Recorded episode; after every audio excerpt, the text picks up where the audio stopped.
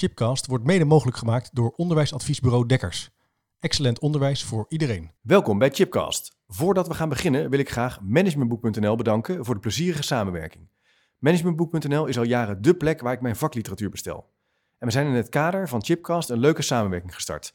Op www.managementboek.nl slash chipcast vind je een overzicht van de boeken die de revue passeren in de Chipcast afleveringen. Neem dus snel een kijkje op www.managementboek.nl slash chipcast. Welkom bij Chipcast, waar ik op zoek ga naar ongewone antwoorden en nieuwe perspectieven op vragen die mij bezighouden. Leuk dat je luistert naar weer een nieuwe aflevering. In deze podcast ga ik in gesprek met Hessel Wesselink. Hessel is lector burgerschapsonderwijs en hoofddocent van de lerarenopleiding maatschappijleer aan de Hogeschool van Amsterdam. In deze podcast gaan we het hebben over de vraag waarom het belangrijk is om burgerschap structureel een plek te geven in ons onderwijs. En deze podcast is eigenlijk tot stand gekomen naar aanleiding van een column die ik een klein jaar geleden in de zomer schreef samen met Marcel Smeijer, waarin we een tegenovergesteld punt innamen. En wij eigenlijk zeiden, of stelden, dat burgerschapsonderwijs gevaarlijk is en de overheid zich helemaal niet moet bezighouden met burgerschapsonderwijs. Dat moet vastleggen in de wet. Liever zouden scholen en dus ook de overheid zich moeten richten op kennisoverdracht, zodat kinderen zelfstandig kunnen nadenken. En moet je proberen te voorkomen om de politiek en ideeën over wat een goede burger is onderdeel te laten zijn van een curriculum. Maar ja, dat is natuurlijk maar één positie. En Hessel reageerde daarop met een tegenovergestelde positie. Hij probeert eigenlijk te onderbouwen waarom het juist belangrijk is om burgerschap een plek te geven in het onderwijs. En daar hebben we het afgelopen jaar op gezette tijden uh, over heen en weer geschreven via Twitter en ook via de mail. En het leek ons belangrijk om dat gesprek eens wat uitgebreider te gaan voeren. En ik vind het dan ook heel leuk dat hij de tijd wilde nemen om met mij in deze podcast uh, daarover in gesprek te gaan. En we bespreken een aantal vraagstukken. Wat is nou eigenlijk burgerschap in het onderwijs? Daar moeten we denk ik al over hebben. Wat bedoelen we daarmee? In het opiniestuk gaan we misschien wat scherp door de bocht volgens Hessel. Dus hij probeert het af te bakenen. En hij probeert de vraag te beantwoorden: moet de overheid hier nou wat mee? Of moeten we hier niks mee? En als we er wat mee moeten, wat zou dat dan zijn? En waarom zou een overheid zich überhaupt bemoeien met burgerschap? En in Hessels punt uh, stelt hij dat ongelijkheid en toenemende ongelijkheid juist een aanleiding zou moeten zijn om burgerschap wel degelijk in het curriculum op te voeren en daar iets mee te gaan doen. Dan hebben we het ook nog over de burgerschapwet en over effectieve manieren van burgerschap. Hoe je daarover les kan geven. Wat dat vraagt van het pedagogisch klimaat. Wat het vraagt van de leerkracht en de docent.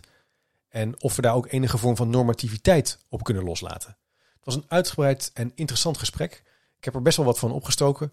Uh, omdat ik het heel leuk vind dat Hessel ook uh, onderbouwt en kritisch keek naar ons, ons stuk. En tegelijkertijd ook wel de verbinding durft te leggen. Dus wat dat betreft hebben we wel... Uh, ja, zou je kunnen zeggen, zijn we erin geslaagd om een verdiept gesprek te voeren. Ik hoop dat je het leuk vond en dat je er wat van, uh, van opsteekt. Mocht je daar nog vragen over hebben of ideeën over hebben die haak staan op wat wij nu bespreken, dan uh, wil ik je van harte uitnodigen om via www.chipcast je mening even te laten horen. Dat kan via chipcast.nl slash vraag, maar je kan ook via Twitter of LinkedIn een berichtje achterlaten. En op het eind van de podcast kom ik nog even bij je terug. Nou Hessel, welkom in de uitzending. Leuk dat je er bent.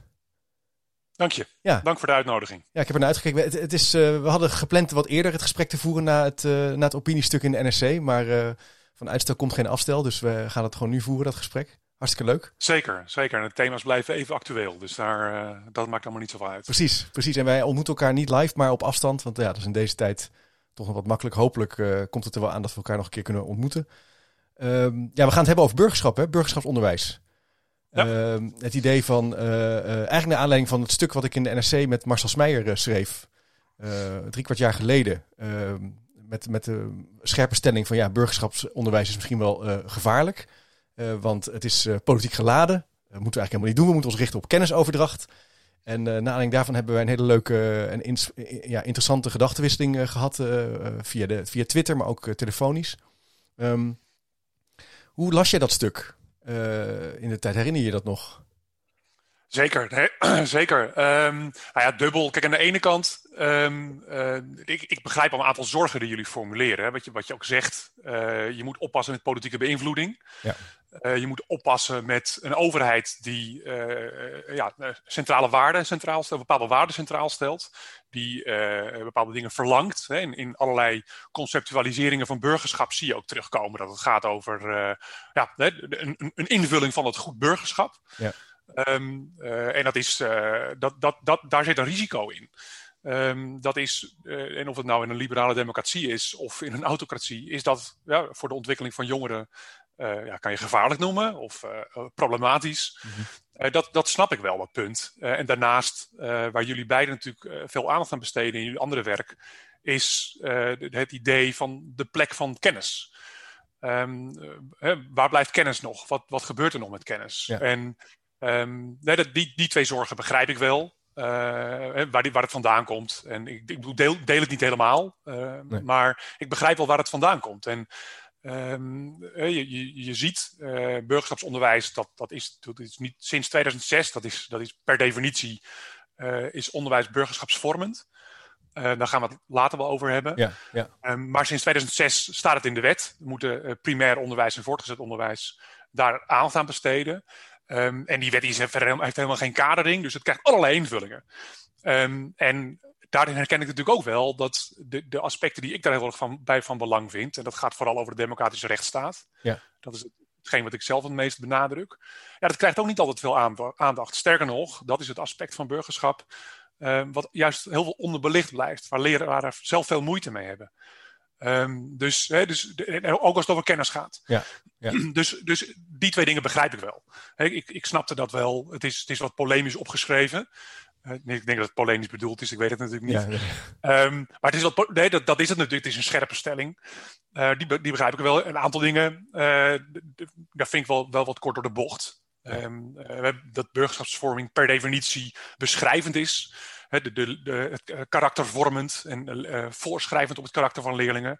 Dat is niet per definitie zo, dat kan. dat, dat, dat, kan natuurlijk. Er zijn ook mensen die, die dat ook voorstaan. Zowel in meer conservatieve als meer progressieve hoek. hoek. Uh, maar dat is niet per definitie het geval. Hè. Um, dus daar heb ik wel, wel wat, meer, wat, wat meer moeite mee met betrekking tot van, van jullie stuk. Ja, ja. Um, uh, en, en, dat, jullie schrijven ook dat, dat um, uh, op het moment dat burgerschap en, en, en, en persoonsvorming uh, voorzien gaat worden van concrete doelen en criteria, um, kan de staat politieke en morele opvattingen opleggen. Um, ja, daar heb ik ook wel wat aarzelingen bij, om een aantal redenen. Ik denk mhm. namelijk dat Um, nee, als, je, als je aandacht besteedt aan bijvoorbeeld aardrijkskunde of levensbeschouwing of filosofie of, of maatschappijleer of geschiedenis in het curriculum, ben je per definitie met burgerschapsvorming bezig. Trouwens, als je dat niet doet, ben je ook met burgerschapsvorming bezig. Dan laat je namelijk leerlingen zien dat dat geen belangrijke thema's zijn, wat ook een burgerschapskeuze is. Um, ja, ja, en, ja. Dat, en dat, dat maakt daarmee nog niet, zoals de overheid zegt, dit is wat van belang is. Dat maakt daarmee nog niet dat de overheid zegt, dit moeten leerlingen denken, dit moeten leerlingen uh, vinden. En er zit er nog een laag bij. Er zit ook een soort veronderstelling in dat als de overheid dit uh, opschrijft, hè, dat is curriculum.nu, als die persoonsvorming daar al in zou komen, mm -hmm. alsof leraren dat zo overnemen. Alsof leraren één op één de, de, de kerndoelen van de SLO en de uitgangspunten van OCNW overneemt. Dat doen leraren niet. Nee. Leraren gebruiken dat als een, als een van de bronnen van, um, uh, van, hun, ja, van hun professionaliteit, van hun professionalisering. Maar er zijn er veel meer. Leraren zijn ontzettende zelfstandige professionele vaak uh, uh, docenten, leraren, die kunnen dat ook heel goed. Ja. Dus, dus ik ben daar, ook al zou de overheid dat doen, ben ik er helemaal niet bang voor dat leraren dat één op één overnemen. Nee. Het veronderstelt wel dat er sprake is van professionaliteit, dat mensen hierin opgeleid zijn. He, dat is ook zo'n thema wat jullie natuurlijk ook aanstippen. Normativiteit, uh, beïnvloeding van leerlingen. Kijk, dat kan natuurlijk gebeuren. Hè. Het, het, het, meldpunt van de FVD, um, ehm, uh, wat ik overigens waanzinnig vind dat dat, dat, dat uh, uh, geïntroduceerd wordt, werd. Maar um, kijk, mijn inschatting is, er is, kijk, er is geen onderzoek naar. Er is geen onderzoek naar die beïnvloeding op nee. systematische gronden. Dat weet, daar weten we gewoon heel weinig over. Er wordt allerlei dingen over gezegd, maar dat weten we helemaal niet. dus dan moet je volgens mij veel voorzichtiger zijn in het, in het ja. publieke en politieke ja. debat.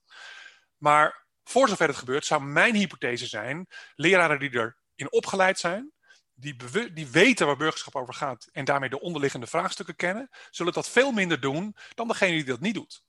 Ja, een, ja. Een, een, iemand die niet opgeleid is in de thema's van uh, burgerschap en over uh, politieke stromingen bijvoorbeeld, zal veel sneller um, uh, eenzijdige verhalen vertellen dan een leraar die daar kennis van heeft. Ja. Dus uiteindelijk gaan dit soort thema's ook over professionaliteit. Ja. En dat is een kwestie. Ja, dus de professionaliteit ja, van, de, van de leerkracht, van de docent is daarin heel belangrijk. Om juist, van de schoolleider. Van de schoolleider, van de schoolorganisatie. Uh, jij zei in het begin uh, wel iets over dat je het belangrijk vindt dat burgerschap er is, omdat het ook een aantal uitdagingen in onze samenleving kan aanpakken. Je noemde even het punt van het snappen van de democratie, democratische rechtsstaat, hoe, de functionering daarvan. Maar in je werk heb je het ook wel over ongelijkheid in het onderwijs. zou je daar iets over kunnen zeggen? Hoe jij kijkt naar de noodzaak van burgerschap en misschien ook wel dan als tweede hoe jij naar burgerschap kijkt als vakomschrijving. Het hoeft niet helemaal volledig te zijn, maar wat het ongeveer is voor de, voor de luisteraar die denkt, ja, uh, misschien moeten we daar even mee beginnen trouwens. Is dat wel... Dat is, dat, ja, dat is heel nuttig, want je ziet uh, ook, ook uh, op sociale media en in klaslokalen, zie je dat, dat de betekenis van burgerschap allerlei kanten op gaat. Mm En dat, dat is op zich prima, um, maar dat helpt de discussie natuurlijk niet. Mm. Um, eerst even, de, de, de, waarom zou je aandacht besteden aan burgerschapsonderwijs? Waarom moet het een onderdeel van het curriculum zijn? Dat, daar zijn volgens mij in ieder geval drie redenen voor. De ene is dat we per definitie als leraar bezig, bezig zijn met burgerschapsvorming. Namelijk het feit dat wij zeggen er is uh, onderwijs voor jongens en meisjes samen in één klas. Dat is al burgerschapsvorming. Daarmee laten we zien, iedereen heeft leerplicht. Dat, hè, we, vind, we, vinden dit van belang. Die, dit, dit, mm -hmm, uh, ja. Dat is een vormend aspect. Um, uh, ook de, de, didactiek die je hanteert, de regels die je stelt, hoe je met leerlingen omgaat, je pedagogisch klimaat, dat is per definitie burgerschapsvormend. Daar ben je per, per definitie bezig met het vormen hè, van, van, van, van, opvattingen van leerlingen, uh, waardestimulering of waardeoverdracht zelfs. Uh, hè, dus daar ben je per definitie mee bezig. Dan kan je dat maar beter bewust en bereflecteerd doen. Um, want als, we, hè, als, als je dat gewoon doet, ja, dan, dan krijg je allerlei uh, zaken die misschien onwenselijker zijn, die we ook in ons onderwijs terug zien komen. En dat hangt dan bijvoorbeeld samen met uh, de thema's die centraal, uh, centraal staan in ons onderwijs. In, in allerlei inventarisaties zien we dat burgerschap nu meer gaat over het maatschappelijk domein van burgerschap, diversiteit, omgaan met verschillen, allemaal dat soort zaken. Uh, en veel minder over uh, de democratische rechtsstaat. Veel minder over politiek en ook zeker veel minder over kennis over politiek en die democratische rechtsstaat. Nou, dat, dat, dat, je kan als school zeggen, we vinden het eerste belangrijker dan het tweede. Maar er moet er wel een bereflecteerde keuze zijn. Dat moet wel iets zijn waar je met elkaar over nagedacht hebt. Um, en dat is lang niet altijd het geval. Nee. He, dat gesprek op scholen, dat vindt weinig plaats. Um, he, dus, dus, dus het gaat over, aan de ene kant over uh, dat je er per definitie mee bezig bent. Ten tweede uh, weten we, dat is maar, uh, in navolging wat Bourdieu erover gezegd heeft, weten we dat, um, of weten we, er zijn allerlei indicaties, stevige indicaties, dat onderwijs misschien wel eerder kansen, ver, kansen ongelijkheid vergroot door hoe wij onderwijs vormgeven, dan dat het kansongelijkheid verkleint. Ja. Uh, onder andere door hè, wat we in het, uh, dat, dat we gescheiden scholen hebben, dat we segregatie hebben, uh, maar ook dat kinderen op hun elfde kiezen voor, gekozen wordt voor algemeen vormend onderwijs, beroepsonderwijs. dat die stromen er zijn. Hè, dan, dan, ontstaan er grote verschillen, niet alleen op het gebied van burgerschap, maar ook taal en rekenen. Dat, dat verschil wordt daarna ook groter. Dan hangt er waarschijnlijk ook wat mee samen. Um, dus de, dat is een belangrijke kwestie. En vervolgens, ja. als je kijkt naar het type burgerschapsonderwijs dat vorm krijgt in het algemeen vormend onderwijs, is anders dan in het beroepsonderwijs. Ja. He, waarschijnlijk is het algemeen vormend onderwijs wat meer emanciperend gericht, wat meer gericht op kritisch denken. Uh, dat is uitgebreider. Daar zit, daar zit meer, ook meer leren nadenken over uh, democratie bijvoorbeeld in. Terwijl het algemeen vorm, of het beroepsonderwijs, het burgers, burgerschapsonderwijs daar, is meer disciplinerend gericht. Ja. Meer gericht op wat je moet doen hoe je je staande moet houden in de samenleving. Wat op zichzelf staan twee hele belangrijke zaken zijn. Alleen, het versterkt wel het verschil wat er in de samenleving al is. En dat is in mijn uh, uh, oogpunt niet wenselijk. Nee. He, de, leerlingen in het beroepsonderwijs zijn vaker leerlingen uit lagere sociale, sociaal-economische milieus. Die hebben vaker het gevoel dat hun stem er niet toe doet. Uh, wat een realiteit is in onze diploma-democratie. Maar die leerling, leerlingen wil je, vanuit gelijkheidsperspectief geredeneerd, wil je gelijke kansen, of in ieder geval eerlijkere kansen geven. En hoe wij het onderwijs nu vormgeven, uh, zorgt daar niet voor. Nee. Dus, hè, dus, dus dat betekent dat het beleid zou moeten zijn dat dit corrigeert. In ieder geval hè, dat, dat, aanbod corrigeert. Die, die gelijke kansen ga je niet voor elkaar krijgen. Um, maar je kan wel eerlijkere kansen vormgeven. Ja. Dat is de tweede. En sorry, de derde reden. Um, ja, er zijn allerlei collectieve goederen die bestaan niet vanzelf. Zoals de democratische rechtsstaat. Dat is niet iets wat zichzelf in stand houdt per definitie. Een democratische cultuur is van groot belang voor een uh, voor een samenleving, voor een democratie, voor een democratische rechtsstaat. Dat bestaat niet vanzelfsprekend. Ook daarin zien we verschillen. Uh, liet onderzoek van, van de UvA afgelopen week weer zien. Ehm, dus dat, dat, dat vergt ook aandacht en onderwijs is daar een voor de hand liggend uh, instrument voor. Um, en dan, hè, dan, dan krijg je de vraag die jullie ook opwerpen, moet uh, over uh, de, de, onderwijs corrigeren voor de samenleving? dat, is, dat is een ingewikkelde vraag, vind ik. Um, maar een samenleving mag wel van onderwijs verlangen dat ze hier een bijdrage aan leveren. Ja. Dat ze leerlingen leren um, op verschillende manieren deel te kunnen nemen aan de samenleving. En leren over wat die democratische rechtsstaat is. Ja. Net noemde je even een, een, een term die vond ik, zou ik even willen uitleggen, diploma-democratie. Dat verstond ik goed, toch? Ja, wat, wat kan je daar iets over zeggen? Dat was bij je tweede punt, hè? Uh, dus die ongelijkheid wordt versterkt. We moeten dat eigenlijk proberen te corrigeren. Daar zou burgerschap uh, een manier voor kunnen zijn, een voertuig voor kunnen zijn. En toen noemde je het begrip diploma-democratie met name in het beroepsonderwijs. Ja, ik, ik zou niet zeggen dat onderwijs uh, de diploma-democratie moet, moet corrigeren op zichzelf. Nee, nee helemaal, hè? Dat, dat kan niet. Nee. Maar het is wel een context waarin we functioneren. En een diploma-democratie is een term van Mark Bovens en Angrid Wille. Uh, hebben ze in 2009 geloof ik uh, gemunt. Um, en uh, diploma-democratie wijst erop dat onderwijs als, als, als bezit, je opleidingsniveau, um, van fundamenteel belang is voor je deelname aan de samenleving. Ja. Zeker ook in de politiek, maar niet alleen in de politiek. Um, en gekoppeld aan de politiek gaat het er dan over dat um, uh, mensen in de Tweede Kamer allemaal hoog opgeleid zijn. Dat uh, hoger opgeleiden meer participeren. Um, en uh, problematischer nog, dat er meer naar hoger opgeleiden geluisterd wordt dan naar lager opgeleiden. Onderzoek van Schakel en Hakverdian laat ook zien dat, uh, dat, dat um, uh, de stem van hoger opgeleiden gewoon beter gehoord wordt uh, in de politiek dan van lager opgeleiden ja. in onze democratie. En dat is natuurlijk een, een problematisch punt als je uitgaat van, van politieke gelijkheid. Ja. Daar kan het onderwijs niet voor corrigeren. Dat, dat, dat kan het onderwijs niet. Dat zou je ook niet moeten willen, denk ik. Um, maar je, je, je, moet er wel bewust van zijn. En als, als dit al het gegeven is en vervolgens uh, sorteert het onderwijs zo voor dat, dat leerlingen precies binnen die paden van die diploma-democratie passen, heb je volgens mij wel een probleem. Ja. je ja. moet leerlingen, uh, bijvoorbeeld in het beroepsonderwijs, meer zelfvertrouwen meegeven om deel te nemen aan die samenleving. Meer kennis meegeven, zodat ze weten hoe, ze, hoe ze kunnen participeren. Kennis op zichzelf is niet zaligmakend, maar kennis leidt er wel toe dat de kans groter is dat ze gaan stemmen. Leidt er wel toe dat hun keuze meer sophisticated is, hè, meer beredeneerd is. Dus de, de, de kennis leidt ertoe dat ze sneller het nieuws gaan volgen. Dat zijn allemaal zaken die er, die er echt toe doen. Um, en daar kan het onderwijs natuurlijk wel degelijk een bijdrage aan. Ja, dus jij zegt uh, in een MBO, in, in, op een VMBO, op een HBO, is het echt de bedoeling dat je juist die studenten en leerlingen uh, kunt ondersteunen in die, ontwikkel, in, die, in die ontwikkelstappen, zodat ze zich ook ja, emanciperen, meer kennis van de samenleving uh, opdoen, meer snappen hoe democratie werkt, zich daardoor sterker voelen en meer gaan ja. participeren, meer gaan lezen en dus zich ook gaan roeren in de discussie, in de dialogen. Nou ja. De, de, de, of, zij, of je ze moet, moet uh, ertoe zetten dat ze dat doen, dat is een tweede. He, dat, uiteindelijk is het de keuze van leerlingen zelf. He, dat moeten leerlingen zelf bepalen of ze dat ja, doen. Maar het is wel een doel. Participeren. Ja. Wat zeg je? Het zou wel een doel nou, moeten het, zijn. Of, of... Nou, wat, wat volgens mij het doel zou moeten zijn, is dat leerlingen die, die keuze bewust hebben. Kijk, wat heel veel VMBO'ers vaak zeggen, is: Mijn stem doet er toch niet toe. Hmm. Naar mij wordt toch niet geluisterd. Nou, en voor een deel hebben ze daar gelijk in. Hè? Dat, is, dat is een sociologische beschrijving, zou je kunnen zeggen. Maar er zit ook iets in dat leerlingen die kennis niet hebben. Dat leerlingen de vaardigheden niet uh, aangeleerd krijgen om deel te nemen. Ja. Dat ze geen voorbeelden zien van mensen die uh, participeren in de samenleving.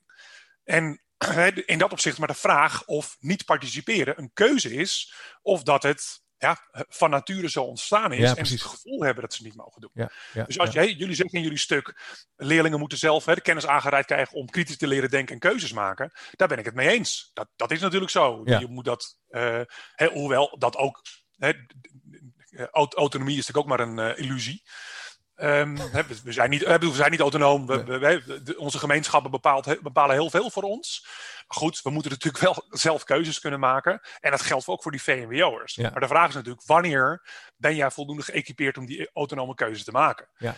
Ja. En um, ik denk dat we daar nu te weinig mee doen. En, en dat dat toe leidt ja, dat die, um, uh, ja, die ongelijkheid vergroot wordt. Ja. Maar het is natuurlijk ook wel, ik heb na, na het stuk en ongeveer een half jaar geleden ook in Rotterdam onder andere geweest om met uh, leerkrachten en docenten te praten over uh, hoe het is om in een stad les te geven. In het VO, in het PO, maar ook in het MBO. Dan zie je ook wel dat veel docenten en leerkrachten wel worstelen met ja, ik wil niet zeggen gedragsregels, maar wel hoe zorg je ervoor dat je een fijne klas bent? Hoe zorg je ervoor dat je elkaar laat uitpraten? Dat je verschillende opvattingen kunt onderzoeken? Dat je niet snel radicaliseert in een klas?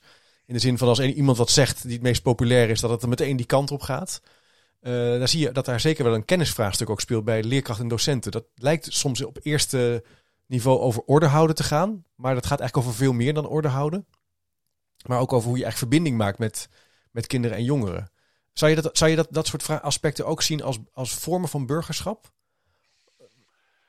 Kan en het is wel gerelateerd. Kijk, als je gerelateerd aan. Kijk, als je zegt uh, je wil met elkaar uh, dialoog voeren over maatschappelijke vraagstukken. Ja. ja dat is natuurlijk een belangrijke ja. kenmerken van burgerschapsonderwijs. Dat ben ik met je eens. Uh, de, kijk, je moet het niet te ver oprekken. Hè. Waar gaat het precies over? Als het gaat over je, de persoonlijke keuzes die je maakt of hè, je financiële huishouding, dan vind ik dat zelf geen burgerschap. Nee. Um, uh, maar kijk, dit soort kwesties hè, en, en uh, hebben daarmee te maken. En wat je zegt, hè, de discipline in een klas, is die er? De orde in de klas. Is die er? Wordt die, wordt die uh, vormgegeven of kunnen docenten in bepaalde contexten geen orde houden? En of het nou aan de docent ligt of aan de leerlingen, mm dat, hè, dat is natuurlijk een andere discussie. Um, dat is op zichzelf geen burgerschap, zou ik zeggen. Nee. Uh, maar het is wel, net zoals het voor, voor taalonderwijs van belang is, ja, je moet, er moet wel een, een pedagogisch klimaat heersen waarin er geleerd kan worden. Ja, ja, ja. Dat is noodzakelijk. En zonder dat pedagogisch klimaat kun je niet... Uh, kan je niet functioneren, nee. Nee. Ik, heb daar nog een vraag over. Dan komen we ook al bij het punt van uh, het afbakenen van het begrip burgerschap. Want je noemde ook uh, pedagogiek. Inderdaad, dat zei je in het begin ook heel treffend. Je geeft les. Daar zit altijd een vorm van ja, vorming achter. Van een opvatting hoe je naar de wereld kijkt. het verschil tussen ja, een vrije school en een openbare school bijvoorbeeld. Of een type mbo-school. Hoe zie jij nou het verschil tussen pedagogiek en, en burgerschap? Want ik kan me voorstellen dat er altijd wel opvattingen zijn van docenten over wat ze belangrijk vinden, wat ze elkaar laten uitpraten of uh, respectvol met elkaar omgaan. Heel snel zou je dat ook als burgerschap kunnen zien, maar volgens mij bedoel jij ook wel echt andere dingen. Ja, kijk, en het loopt, loopt voor een deel in elkaar over. Um, uh, kijk, pedagogiek is niet per definitie hetzelfde. Pedagogiek gaat over, hè, over, over de, de, de waarden die je centraal stelt, de manier waarop je uh, je, je, onderwijs vormgeeft. Mm um, en dat is niet per definitie uh, ook, ook, burgerschap gerelateerd. Nee. Um, maar wat je zegt, een respectvolle omgang, ja, dat is zo'n grensgebied. Is dat nou burgerschap of niet? Ik zou in ieder geval zeggen, het is voorwaardelijk. Dat je met elkaar het gesprek voert wat is een respectvolle omgang? En dat, dat is multi-interpretabel en dat is prima. En het is vooral van belang dat leerlingen inzien dat dat uh, ja, op verschillende manieren is. Als je met je vrienden op straat hangt, is respectvolle omgang anders dan dat je bij je oma op bezoek gaat. Nou, en die, die differentiatie daarin, dat, dat moet je leren. En dat zijn uh, intrapersoonlijke of uh, interpersoonlijke competenties. Um, die niet per, per definitie samenvallen met burgerschap, maar die er misschien wel voorwaardelijk voor zijn, of in ieder geval wel noodzakelijk zijn om als burger te kunnen functioneren. Uh, en dan kom je op de afbakening van het concept volgens mij. Um, kijk, uiteindelijk gaat burgerschap uh, over uh, twee domeinen, namelijk je sociaal-maatschappelijk functioneren en je politiek functioneren. Hoe je, hoe je in kleine en grootschalige verbanden deelneemt, hè, de, de horizontale relaties wordt het wel genoemd. Uh, hoe je met andere mensen omgaat, uh, hoe je dat organiseert, uh, hoe je solidariteit organiseert, hoe je diversiteit organiseert. Um, en aan de andere kant het politiek functioneren, hoe jij in een horizontale relatie, sorry, een verticale relatie, hoe je met autoriteiten, vooral politieke autoriteiten omgaat. En wat je daarbij doet. Dat is, dat is uiteindelijk waar burgerschap op gericht is. Ja. Um, dus dat zijn, dat zijn twee domeinen. Hoe dat er vervolgens uitziet, ja, dat hangt heel erg van een visie af. We komen natuurlijk zo te spreken over, over uh, normativiteit en hè, wat, je, wat je zou moeten uh, voorschrijven als overheid, wat je aan scholen over moet laten. Ja. Dat hangt natuurlijk ook met je visie samen. En bij de inkleding van burgerschap, kijk, burgerschap is natuurlijk, sommige mensen vullen het in als vaardigheden, andere mensen vullen het in als ja, dingen doen. Um, ja. En dat, dat is natuurlijk ook zo, hè, dat is ook heel erg van belang. Maar burgerschap is in ieder geval een competentie. Het gaat in ieder geval over kennis die moet dingen weten. Ja. Niet alles wat wij als burger doen, doen we op basis van kennis, maar kennis speelt er wel een belangrijke rol bij. Uh, kennis verklaart ook bepaalde dingen die we wel en niet doen. Um, het gaat vervolgens over vaardigheden die je hebt. Het gaat over houdingen. Het gaat over waarden. Het gaat over gedrag. Hè? Dus al die, die zaken bij elkaar uh, zijn, zijn uh, essentiële componenten van burgerschap. Ja. En in discussies is het goed om dat van elkaar te onderscheiden. En als je het over een rol van de overheid hebt, is het ook goed om erover na te denken. Een voorschrijvende rol van de overheid is natuurlijk wel iets anders als je het over waarde hebt dan dat je het over kennis hebt. Ja. Het staat niet helemaal los van elkaar. Hè. Kijk naar de discussie over de kanon. Want bij kennis zit ook een keuze. Welke kennis dan? Ja. Daar zit natuurlijk ook een, een waarde, uh, ligt eraan ten grondslag. Dus het is niet helemaal los van elkaar. Maar het is wel een verschil. Ja. Een overheid kan gemakkelijker kennis voorschrijven dan waarde. En dan kom je op veel, veel, veel spannendere terreinen, denk ik. Ja, want hoe kijk je ernaar? Wat de, over, dan kom je het punt van wat zou de overheid moeten voorschrijven en wat dan niet? Je zegt inderdaad, ja, die kanon, geschiedenis ontwikkelt zich ook. Hè. Er ontstaan weer nieuwe ideeën. De naambordjes vinden we, vinden we bijvoorbeeld vandaag de dag minder oké dan 30 jaar geleden. ik was laatst in het, of voor de corona-lockdown in het Tropenmuseum, waar ze alle bordjes aan het herschrijven waren vond ik een heel interessante discussie over. Dat ze ook weer tot nieuwe inzichten komen en dat weer proberen ja, in informatie te vatten. Dat zijn kennisaspecten. Um, maar dat punt van goede burger zijn is inderdaad meer waarde gedreven, denk ik. Uh, dat je bijvoorbeeld de democratie omarmt. Of dat je weet hoe je moet handelen als democratisch burger. Uh, ja, precies. Kijk, en, en, en daar zitten natuurlijk hele interessante spanningsvelden in. Um, die, die dit terrein heel interessant maken. Um, Kijk, want eh, aan de ene kant kan je zeggen, um, een overheid zou, zou niet veel moeten doen. Die, dat, daar moeten we heel voorzichtig in zijn, terughoudend in zijn. Uh, ook vanwege onze onderwijsvrijheid. Um, maar ook, wat we het eerder over hadden, dat je je wil de autonomie van, van een gemeenschap en van kinderen niet door een overheid te veel laten inperken. Nee. Gemeenschappen, bepalen wij in Nederland, mogen zelf bepalen welke invulling van onderwijs zij geven. En dat is, dat is maar goed ook. Het is maar goed ook dat wij die onderwijsvrijheid hebben. En dat een overheid daar heel, heel, heel beperkt in is. Um, dus, dus in zijn algemeenheid denk ik dat een overheid per definitie in een liberale democratie terughoudend moet zijn in, in de waarden die ze centraal stelt. Tegelijkertijd, een overheid die schrijft altijd, hè, waar we mee begonnen, uh, een overheid schrijft altijd waarden voor. Ja. Uh, het idee van uh, leerplicht is een waarde uh, hè, dat is op gebaseerd op een waarde. Uh, jongens en meisjes samen naar school, uh, samen zwemmen, samen gimmen, daar zitten allemaal veronderstellingen liggen eraan ten grondslag. Dus het is natuurlijk niet zo dat de overheid is niet neutraal. De onderwijs is niet neutraal. Onderwijs is altijd waardegedreven. En dat is niet erg. Dat is, dat is ook goed. Hè, dat maakt het ook waardevol. Ja. Leerlingen vinden vaak ook hè, onderwijs waar waarden centraal staan interessant. Hè, dan gaat het ergens over. maar nu moet je wel over nadenken op welke manier je dat doet en welke uh, afwegingen je maakt. We hadden in de, in de herfst, uh, naar, aanleiding van uit, naar aanleiding van uitingen van Slop, discussie over seksuele diversiteit en wat de overheid daarbij moet doen. Ja. En dat is niet zo'n makkelijke discussie. Nee. Dat is, de, de, de, Slop heeft enorm veel over zich heen gekregen, ook wel, ook wel terecht, maar ook denk ik, ja, wacht eventjes. Het is ook onderdeel van onze democratische rechtsstaat dat uh, reformatorische scholen vrij zijn in de invulling van hun onderwijs. En ja. dat doet pijn. Het is vervelend als, uh, als, je, als je seculier bent en je hoort dat er op scholen uh, allerlei docenten zijn die zeggen: ja, homoseksualiteit vind ik, ja, vind ik verwerpelijk, past niet bij mijn geloof. Als het onderdeel van een, van een, van, van een onderwijsaanbod is. Ja, dat, dat is heel vervelend. Maar ja, dat is wel waar die reformatorische scholen niet alleen, het is veel meer dan dat. Hè, maar als je het even heel plat slaat, dat is wel wat, zij, uh, wat, wat belangrijk in die gemeenschappen is. Um, en dat is een, ook een grondrecht.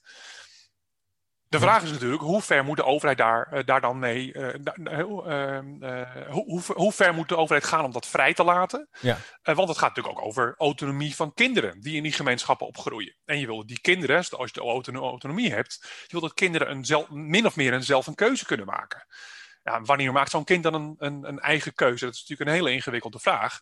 Maar dat gaat over botsende grondrechten. Ja. Um, en ik vind in die discussie uh, wel dat uh, in sommige gevallen ja, er een soort, een soort idee is. Uh, er moet een scheiding zijn tussen kerk en staat. En daarmee zijn we neutraal. Maar dat is helemaal niet neutraal. Hè? Zegt, dat kan helemaal niet. Nee. Dat kan helemaal niet. Nee. Dat, is, dat, dat, is, dat is nooit mogelijk. Ook zo'n zo'n zo'n idee van wij, we hebben seculier onderwijs is een normatieve keuze. Dat, ja. is, dat gaat over uh, keuze van bepaalde waarden. Dat je zegt, uh, ik, ik, stel uh, autonomie van het kind centraal. Dat is een normatieve keuze. Ja. Dus, dus dat, is, ja. dat, gaat altijd over dat soort, dat soort waardedilemma's. Ja, dus het zijn inderdaad, dat vind ik wel interessant aan, aan, hoe, hoe je het zo omschrijft. Het zijn eigenlijk constant spanningsvelden. Waar je tussen probeert, te, tussen probeert te bewegen. En er is niet zo makkelijk één. Je kan niet makkelijk zeggen het is links of het is rechts. want ehm, ja, afhankelijk van het vraagstuk of de situatie, beweeg je eigenlijk op die as heen en weer. Dat is het. Maar dat is het. En dat, daar, daar, gaat burgerschap over. En daar gaat ook burgerschapsonderwijs volgens mij over. Ja. Uiteindelijk wil je dat leerlingen dat leren. Ja. En het gaat er niet over dat je, dat je een opvatting uh, op, uh, ontwikkelt over een bepaald, bepaalde kwestie. Daar gaat het niet over. Waar het Nee. over gaat, is dat je, volgens mij, is dat je leert redeneren. Uh, of nee, moet ik beter zeggen, dat je leert dat er verschillende manieren van redeneren zijn, hè, verschillende perspectieven, Ja. dat er verschillende waarden zijn, dat, er, nee, dat je kennis opdoet over hoe die samenleving georganiseerd is, dat je vaardigheden opdoet om dat te kunnen doen, dat je houdingen ontwikkelt, et cetera, et cetera.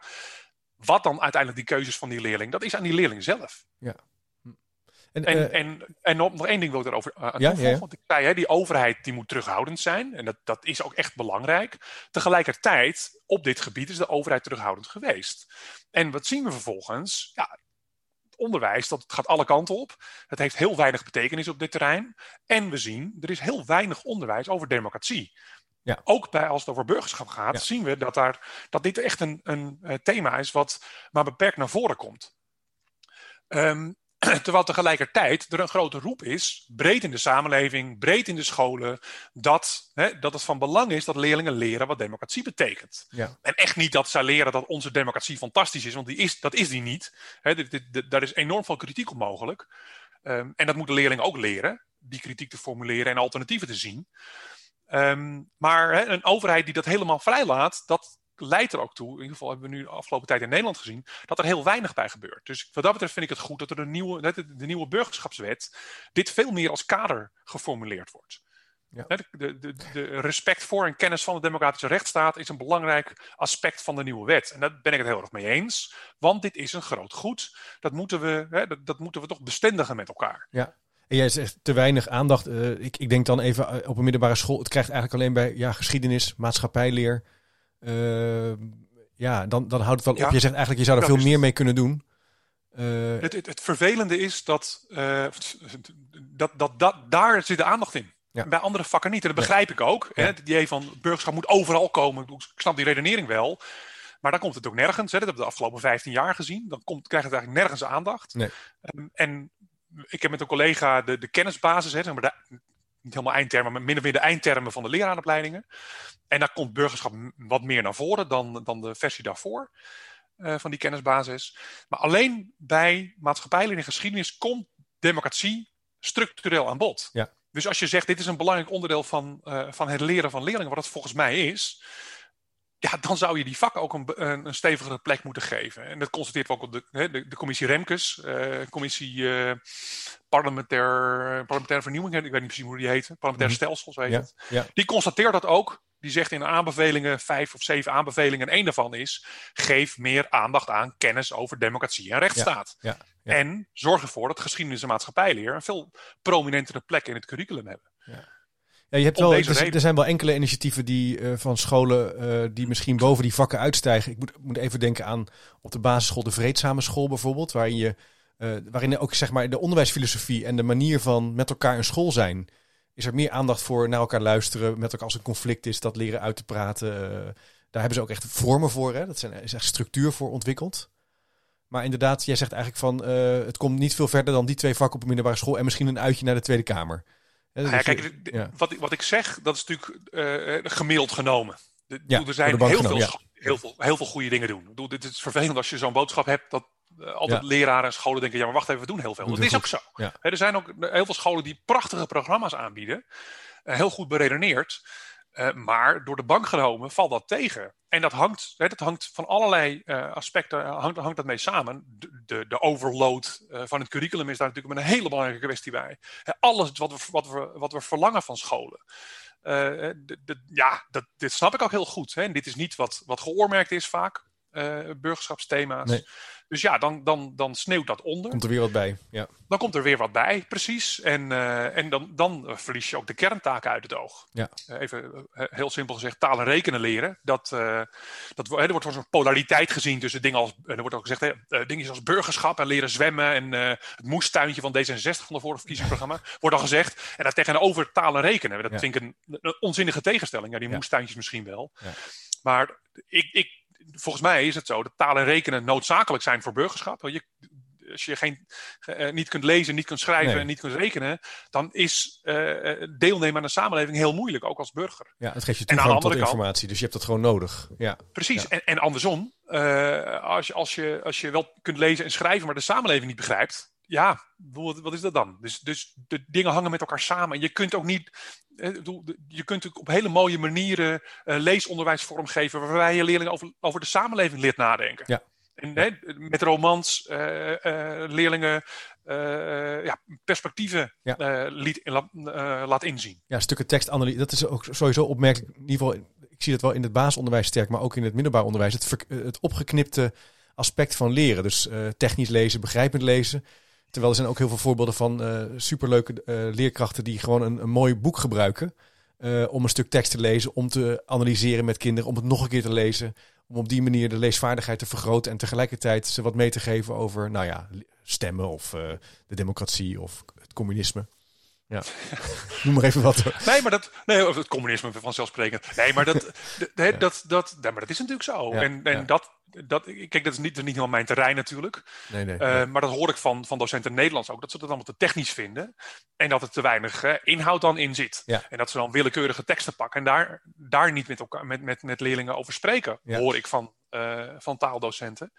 Dus daar kan je natuurlijk veel meer inhoud in geven. Dat, dat is een mogelijkheid. En, en er zijn ook heel veel docenten Nederlands en Frans en Duits en Engels die dat doen. Ja, ja precies. En nou is het in het nou kan je de indruk krijgen bij dat, bij dat idee van burgerschap dat het gaat, en dat was ook in het stuk wat wij toen schreven, het idee van een goede burger. Dat er een soort iemand bepaalt wat dat dan is. En uh, waar, ik met name ook wel een beetje over opwond, uh, en nog steeds wel, is dat het um, bijvoorbeeld dat idee van de, dat leren samenwerken. Dan beter is dan ehm, niet kunnen samenwerken. En, en natuurlijk is het fijn om samen te werken, maar er zijn natuurlijk ook ontzettend veel kinderen die gewoon ja, eh, introvert zijn bijvoorbeeld, hè, uh, het gewoon heel fijn vinden om een boek te lezen. En dan moet je in één keer, nou ja, dan wordt dat een soort norm dat je dus met anderen en ook met, met dus ook het idee van inclusie dat je met kinderen samen moet kunnen optrekken die niet hetzelfde zijn als jij. Dat dat dus ook beter is dan als je dat gewoon met in de vriendjes uh, op het schoolplein altijd met dezelfde gaat voetballen. Zeg maar dat soort zo'n gevoel krijg ik een beetje bij. Hoe kijk jij daar nou naar? Zeg je van nou zitten we dan klopt dat of zeg je van nou misschien misschien is dat eigenlijk al helemaal niet het geval? Of is het afhankelijk van de geprofessionaliseerde leerkracht of docent? Dat zou natuurlijk ook kunnen, want dat zei je ook in het begin. Dus dat idee van goede burger als een soort uh, ja, verscholen norm eigenlijk. Nou ja, ik denk dat in, in zoverre uh, ik natuurlijk ook in allerlei contacten met leraren uh, en leerkrachten uh, ook allerlei verscholen normen zie bijvoorbeeld dat samenwerken uh, of die inclusie, hè, wat nu natuurlijk een, een, een, ja. een uh, ja. thema is waar je ook een mooie podcast over opgenomen hebt. Hè, dat, ja. dat is een thema wat, wat heel erg van belang is. Maar ook bij inclusie, inclusie dat gaat ook over, over tegenstellingen, over confrontatie. Dus dat is hè, dat idee van samenwerken en samen zijn en sociale cohesie. Daar zit ook iets enorm uh, adembenemends in, in het verkeerde zin van het woord. Hè? Dus het ontnemen van adem, ontnemen van lucht, ontnemen van tegenstellingen.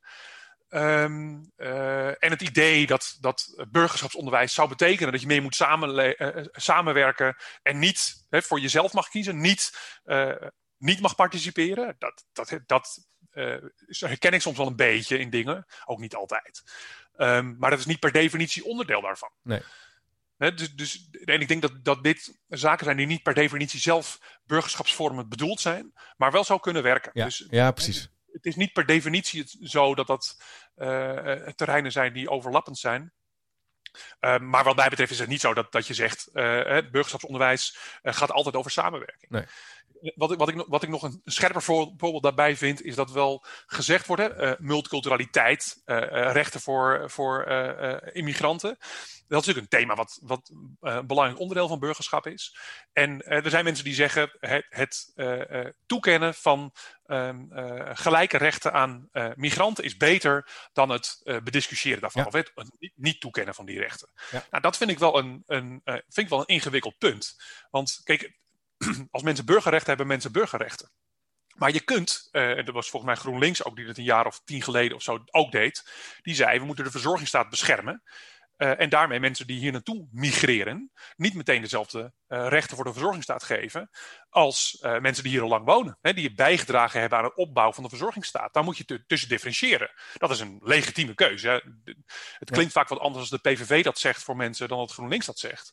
Maar dat is een legitiem punt. Hè, dus als je zegt, per definitie moet je migranten dezelfde rechten geven als, als autochtonen Nou, dat is een politieke keuze. Dat, is, dat, dat, dat uh, hangt af van je visie op burgerschap, of dat beter of slechter is. En daar moet je over kunnen spreken met elkaar. Ja, hè? Dan, dan, ja. dan moet, dan moet politiek debat over bestaan. Net zo goed als het over de klimaatcrisis bijvoorbeeld het geval is. Hè? Dan moet je uh, over, over kunnen discussiëren. Nog niet zozeer of die klimaatcrisis er is, maar wel wat het beleid is. Hè? Dat Ja. is een politieke discussie. Per definitie. Uh, de- om even nog door te trekken. Hè, Wilders die zegt we moeten uit een, een, een internationale verdragen stappen. Ja, dat mag. Dat mag je voorstellen. Laat, laat doe het ook vooral. Mensen die dan, dan reageren met ja, hij stelt de grondwet ter discussie. Ja, uh, dat mag. Ja. De, daar, daar zijn we een democratie voor. Dus de, doe dat vooral. Ja. De, de, Partij voor, uh, hoe heet het ook weer, de, naaste liefde geloof ik. Hè, die is die Ja. de uh, leeftijd... de pedopartij ook wel. de pedopartij, ik wou het niet zeggen, maar dat inderdaad. ik doe het gewoon. Die wil die de, de, leeftijd voor seksualiteit naar 12 terugbrengen. Ja. Dat mag. Mag, dat mag je voorstellen. Ja. Dat is, daar, daar zijn we democratie voor. Hè? Dus wees niet bang voor, voor, voor politisering. Wees Nee. niet bang voor die discussie Nee. in die zin. Maar dat vind ik heel interessant wat je dan. voor. Ik vind het heel mooi dat je dat zegt, want dat valt mij wel op. Dus dat dat meteen tot een enorme eh, eh, scherpheid leidt. Je ziet het ook wel. Ik zie het ook gek genoeg in de onderwijskunde eh, gebeuren. Dat als je bijvoorbeeld een bron aanhaalt die wat conservatief is. ehm, dan is dat, of, of daar een kritische reflectie noemt over wat vernieuwendere bronnen. Of die bijvoorbeeld heel sterk uitgaan van de zelfsturing van kinderen. Ik noem maar even wat. Hè, en, ten opzichte van meer het klassikale onderwijs. Dan leidt het ook meteen tot een enorm scherpe discussie. in plaats van echt een dialoog en onderzoek. Uh, het, het, blijft een beetje, uh, nou ja, ik zit in de ene hoek en jij zit in de andere hoek en we kijken een beetje naar elkaar. Ja. Maar je mag het wel voorstellen, ja, je kan het wel aanhalen, zeg je dus eigenlijk. Ja, ja. ja maar, maar, maar, natuurlijk. Ja, natuurlijk ik, de, dat, dat, dat is absoluut het geval. Um, kijk, en um, ik, ik wou daar twee dingen over zeggen. Het ene ben ik even vergeten, daar komen we zo misschien nog op terug. Maar kijk, je moet bedenken dat um, uh, de, burgerschap binnen een democratische rechtsstaat kent heel veel verschillende invullingen. Je hebt conservatief communitaristische invullingen, je hebt progressief communitaristische invullingen, je hebt liberale invullingen, uh, republikeinse invullingen, neo-republikeinse invullingen. Nee, communitarisme gaat over gemeenschap, ja, hè? Ja. gemeenschap gebaseerd en liberaal is meer individueel uh, autonomie gebaseerd. Um, ja, dat, dat, dat zijn allemaal uh, relevante, zinnige perspectieven op de samenleving. Volgens mij gaat het er uiteindelijk over dat leerlingen moeten leren over die perspectieven. En een school kan zeggen, een, een, een, kijk, een, een conservatieve school, een school met een conservatieve visie, zal zeggen: je mag erover nadenken, maar we willen uiteindelijk wel, hè, uh, we doen een overdracht van waarden. Wij ja. vinden het van belang, bijvoorbeeld discipline of uh, het belang van tradities, dat ze dat leren. Nou, dat mag een school doen. Ja. Prima. Andere scholen zullen misschien meer, hè, in het vernieuwingsonderwijs wat je aanhaalt, meer nadruk leggen op individuele autonomie, waardestimulering of waardecommunicatie. Prima, dat is allemaal goed ik zou wel zeggen, daar is wel een kader voor. Hè. Uiteindelijk is het onwenselijk als er jihadis uh, rondom jouw onderwijs hangen, om maar even een voorbeeld te noemen. Of als er uh, per definitie uh, op een, op een zeer, um, hoe zeg je dat netjes, op een, op een zeer neerbuigende manier over homoseksuelen wordt gesproken. Ja. Ja. Dat, dat, dat vind ik problematisch. He, dat gaat ook over je pedagogische benadering daarvan dus dan.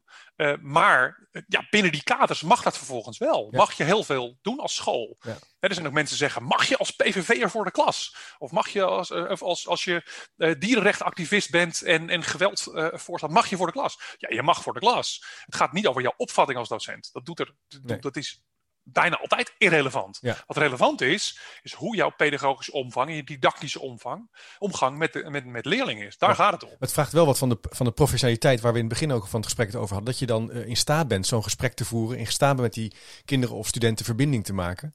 Het, uh, zou jij iets kunnen zeggen over, uh, want ik weet uit ervaring dat er veel scholen of scholen zijn die zeggen van ja, wat moet ik nu met, met burgerschap? Hè? Dus, dat, in het basisonderwijs speelt dat heel sterk. Misschien dat ik er vaker kom hoor. Maar uh, als je nou uh, nu luistert als docent of leerkracht. En je denkt, ja, we, we, willen hier wat mee. Wat zijn dan dingen die je moet afvragen? Zijn er bepaalde stappen te nemen? Of uh, ja, ik wil niet zeggen, is er een stappenplan, maar toch kunnen we, kan je ons helpen om daar wat richting aan te geven? Er zijn natuurlijk de afgelopen jaren steeds meer kaders ontwikkeld ja. die, die je kunt hanteren.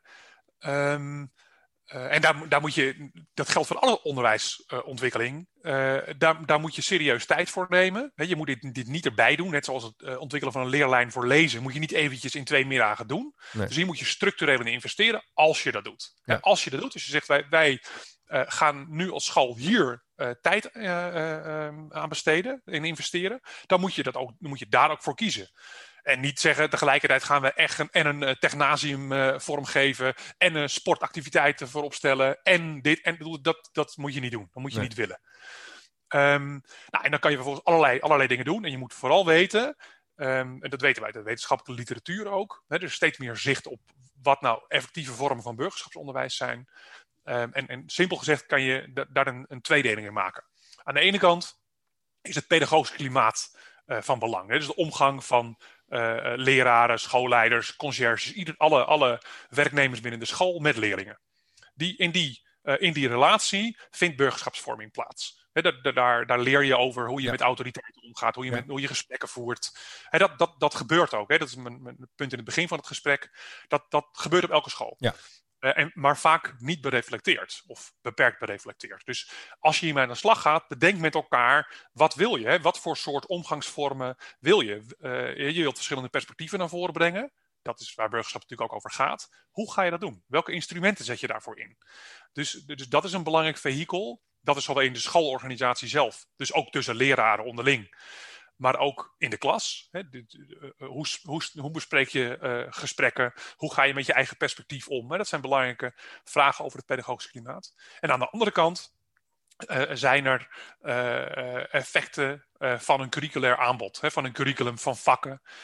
Um, en die laat, dat laat ik wel de grootste effecten zien, in ieder geval de grootste meetbare effecten. Dat kan voor een deel een methodologische kwestie zijn. Mm -hmm, dat ja. is makkelijker te isoleren dan een pedagogisch klimaat. Dat zou kunnen. Ja.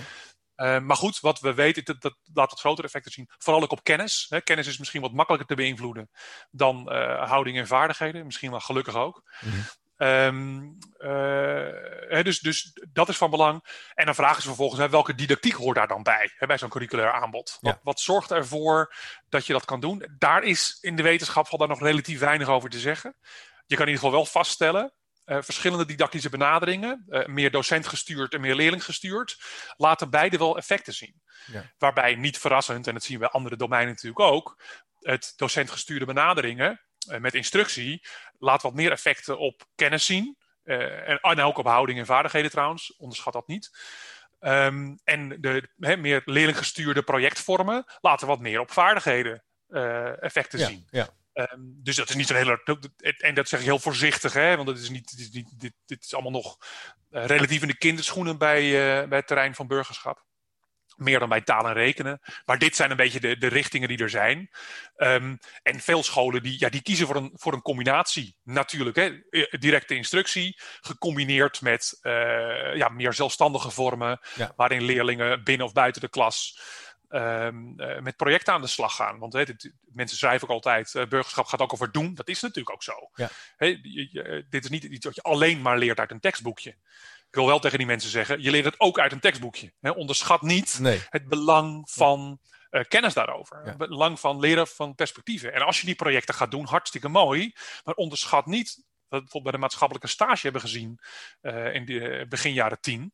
Maar allerlei dingen werden vormgegeven. Maar wanneer had het effect? Op het moment dat je met leerlingen systematisch reflecteert op wat leerlingen gedaan hebben. Ja. Doe je dat niet, heeft het geen effect. Nee. Ja, duidelijk. Dus, hè, dus, dus kennis en systematisch reflecteren zijn wel hele belangrijke aspecten. Zijn ontzettend belangrijke Ja, dingen. ja. Dat geldt voor ons toch ook? Ja, we leren alleen maar als je er met elkaar systematisch over nadenkt. Hè, dus, die, dus die twee vormen, ik wil nog eh, één ding aan toevoegen. Ja, graag, ja. Dus die twee vormen zijn uh, van belang. Hè? Dus zo kan je dat vormgeven. Uh, maar daar zijn wel voorwaarden voor. Het is niet per definitie altijd maar effectief of even effectief. Uh, ik noemde al de basisvaardigheden van leerlingen, rekenen en taal. Dat is echt van groot belang. Noem ik ook maar even naar de OCW. je kunt burgerschap enorm veel aandacht gaan besteden. Maar als er niet geïnvesteerd wordt in leren lezen dan is het verloren tijd. En dan kan het zelfs ertoe leiden dat de kloof in kansen toe gaat nemen. Want de, de leerlingen die uh, praktisch analfabeet van school gaan, Ja. die, die kunnen ook een burgerschap dan niet leren. Nee. Dus hè, dit, dit hangt echt met elkaar samen. Werk ook aan het zelfvertrouwen en uh, hè, de self-efficacy van leerlingen. Dat doet er ook toe. Leerlingen moeten ook het gevoel hebben dat ze er in de samenleving toe doen. Hè, dus dat soort basisvaardigheden of hè, houdingen, die doen er heel erg toe. Daarnaast lerarentekort. Als dat niet aangepakt wordt, dan geldt het weer hetzelfde. Namelijk, op welke scholen eh, vindt er een eh lerarentekort plaats? Dat zijn juist op de scholen waar eh, leerlingen het hardst nodig hebben. Ja. Dus onderwijs kan compenseren voor verschillen in kennis bijvoorbeeld. Maar alleen als er uh, leraren zijn met een stevige professionaliteit. En dat stelt het lerarentekort echt onder druk. En dat geldt ook voor, die, voor die, uh, de bredere, bredere systeem wat we hebben. Uh, van discriminatie, die diploma-democratie die ik al noemde, van vroege selectie. Ja, in die context functioneren wij wel. Ja. Dus je, je, je, kan wel over gelijke kansen en over het VMBO leren dat hun stem ertoe doet. Maar zolang die politiek dat niet serieus neemt en, en daar een enorme ongelijkheid in, uh, in, in, in, in, in, een opleidingsniveau is, ja. dan, dan blijft dit toch maar uh, ja, water naar de zee dragen. Of, je kan er weinig, weinig uh, echte veranderingen in doorvoeren. Duidelijk, ja, dat is een sterke oproep ook, hè? Dus lezen, schrijven als voorwaarde, maar ook eens investeren in, in de scholen waar het, waar het nodig is. En het leraartekort staat natuurlijk een enorme belangrijke, belangrijke ja, voorwaarden voor. Eerder heb ik het ook uh, in de kader van de podcastserie over de verkiezingen ook over gehad met een uh, schoolleider van een grote middelbare schoolgemeenschap. Die zegt ook van ja, de zwakke scholen hebben daar het, zullen daar het slechtste uitkomen. Dus daar moeten we echt uh, moeten keuze voor worden gemaakt. Dan zal een eenmalige investering niet altijd in helpen. Dat is veel meer voor nodig. Ja. Totaal niet. Dus dat is ook burgerschap. nou, het is ontzettend interessant, Hessel, om met jou hierover van gedachten te wisselen. Um, ik vind het ook heel boeiend ook om eigenlijk ja, um, ook wel te zien hoe, hoe, sterk jouw belang is van uh, en noodzaak is om kennis eigenlijk te verbinden aan burgerschap. Dus in die zin uh, is de tegenstelling of de scherpheid die wij in het artikel natuurlijk naar voren halen, die, uh, die ontkracht je ook gedeeltelijk. En ik moet zeggen, bijzonder interessant ehm, om met je van gedachten over te wisselen. Is vast wel meer over te zeggen. Ik zou de luisteraar graag willen oproepen om te laten horen via Twitter, toch Hessel, niet? een, Zeker. Ja, berichtje achterlaten of via chipcast.nl slash vraag kan je altijd je vraag inspreken. Ik zal de linkjes die, die Hessel ook noemde, een aantal bronnen ook even op de website plaatsen. Dus als je dat, die nu uh, nog even opzoeken, dan kan je die altijd even terugvinden. Uh, Hessel, dankjewel voor je tijd. Superleuk. En, Heel graag gedaan. Uh, ja, wellicht tot, tot de volgende keer. Want dit is een thema wat zeker niet weg zal gaan de aankomende jaren in onderwijs. Dus, ik denk het niet. En er valt inderdaad nog heel veel te zeggen. We hadden nog een aantal thema's op de agenda ja. die niet aan, aan bod zijn gekomen. Maar dat kan, niet, dat kan ook niet allemaal. Nee. Ehm, Nee, dat is uh, een goed idee. Ja, gaan we doen. En wie weet komt er nog een keer een deel 2. Zeker. De tijd zit erop. Een gesprek met Hessel Wesselink, lector burgerschapsonderwijs en hoofddocent leraaropleiding maatschappijleer aan de Hogeschool van Amsterdam. Ik hoop dat je het leuk vond om naar te luisteren. Een poging om ook verschillende zienswijzen over onderwijs ook in deze podcastserie in het licht te zetten. Ik denk überhaupt wel een belangrijk punt en een uh, alibi van mij om deze podcastserie te maken. Te kijken of je op verschillende manieren, vanuit verschillende disciplines kan kijken naar goed en beter onderwijs. Vond het bijzonder interessant om met Hessel hierover van gedachten te wisselen. Ik heb er ook echt uh, veel van opgestoken en ik hoop jij ook. Uh, op de website www.chipcast.nl vind je nog wat linkjes en bronnen, mocht je dat interessant vinden. Vergeet je niet in te schrijven voor de nieuwsbrief via chipcast.nl slash doe mee. Dan krijg je automatisch af en toe een mailtje met nieuwe podcastafleveringen en achtergrondinformatie.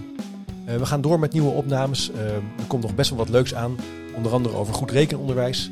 Maar ook andere thema's staan centraal, zoals de onderzoeken die ik uh, aan doen ben en heb gedaan bij verschillende ROC's, ROC Aventus, ROC Albeda en ROC, ROC Da Vinci. Wat overigens grappig is dat ze zichzelf niet ROC willen noemen, maar met ROC bedoel ik dan een MBO-instelling. Ik hoop maar dat dat duidelijk is. Over gepersonaliseerd onderwijs. Zou dat nou wel kunnen werken in het MBO-onderwijs? Volgens mij wel. En zelfs ook in het HBO-onderwijs. Maar ook over examineren in coronatijd. En over levende leereenheden en samenwerken in de regio. Kortom, als je van onderwijs houdt, komt er nog heel wat aan in dit voorjaar. Tot de volgende keer.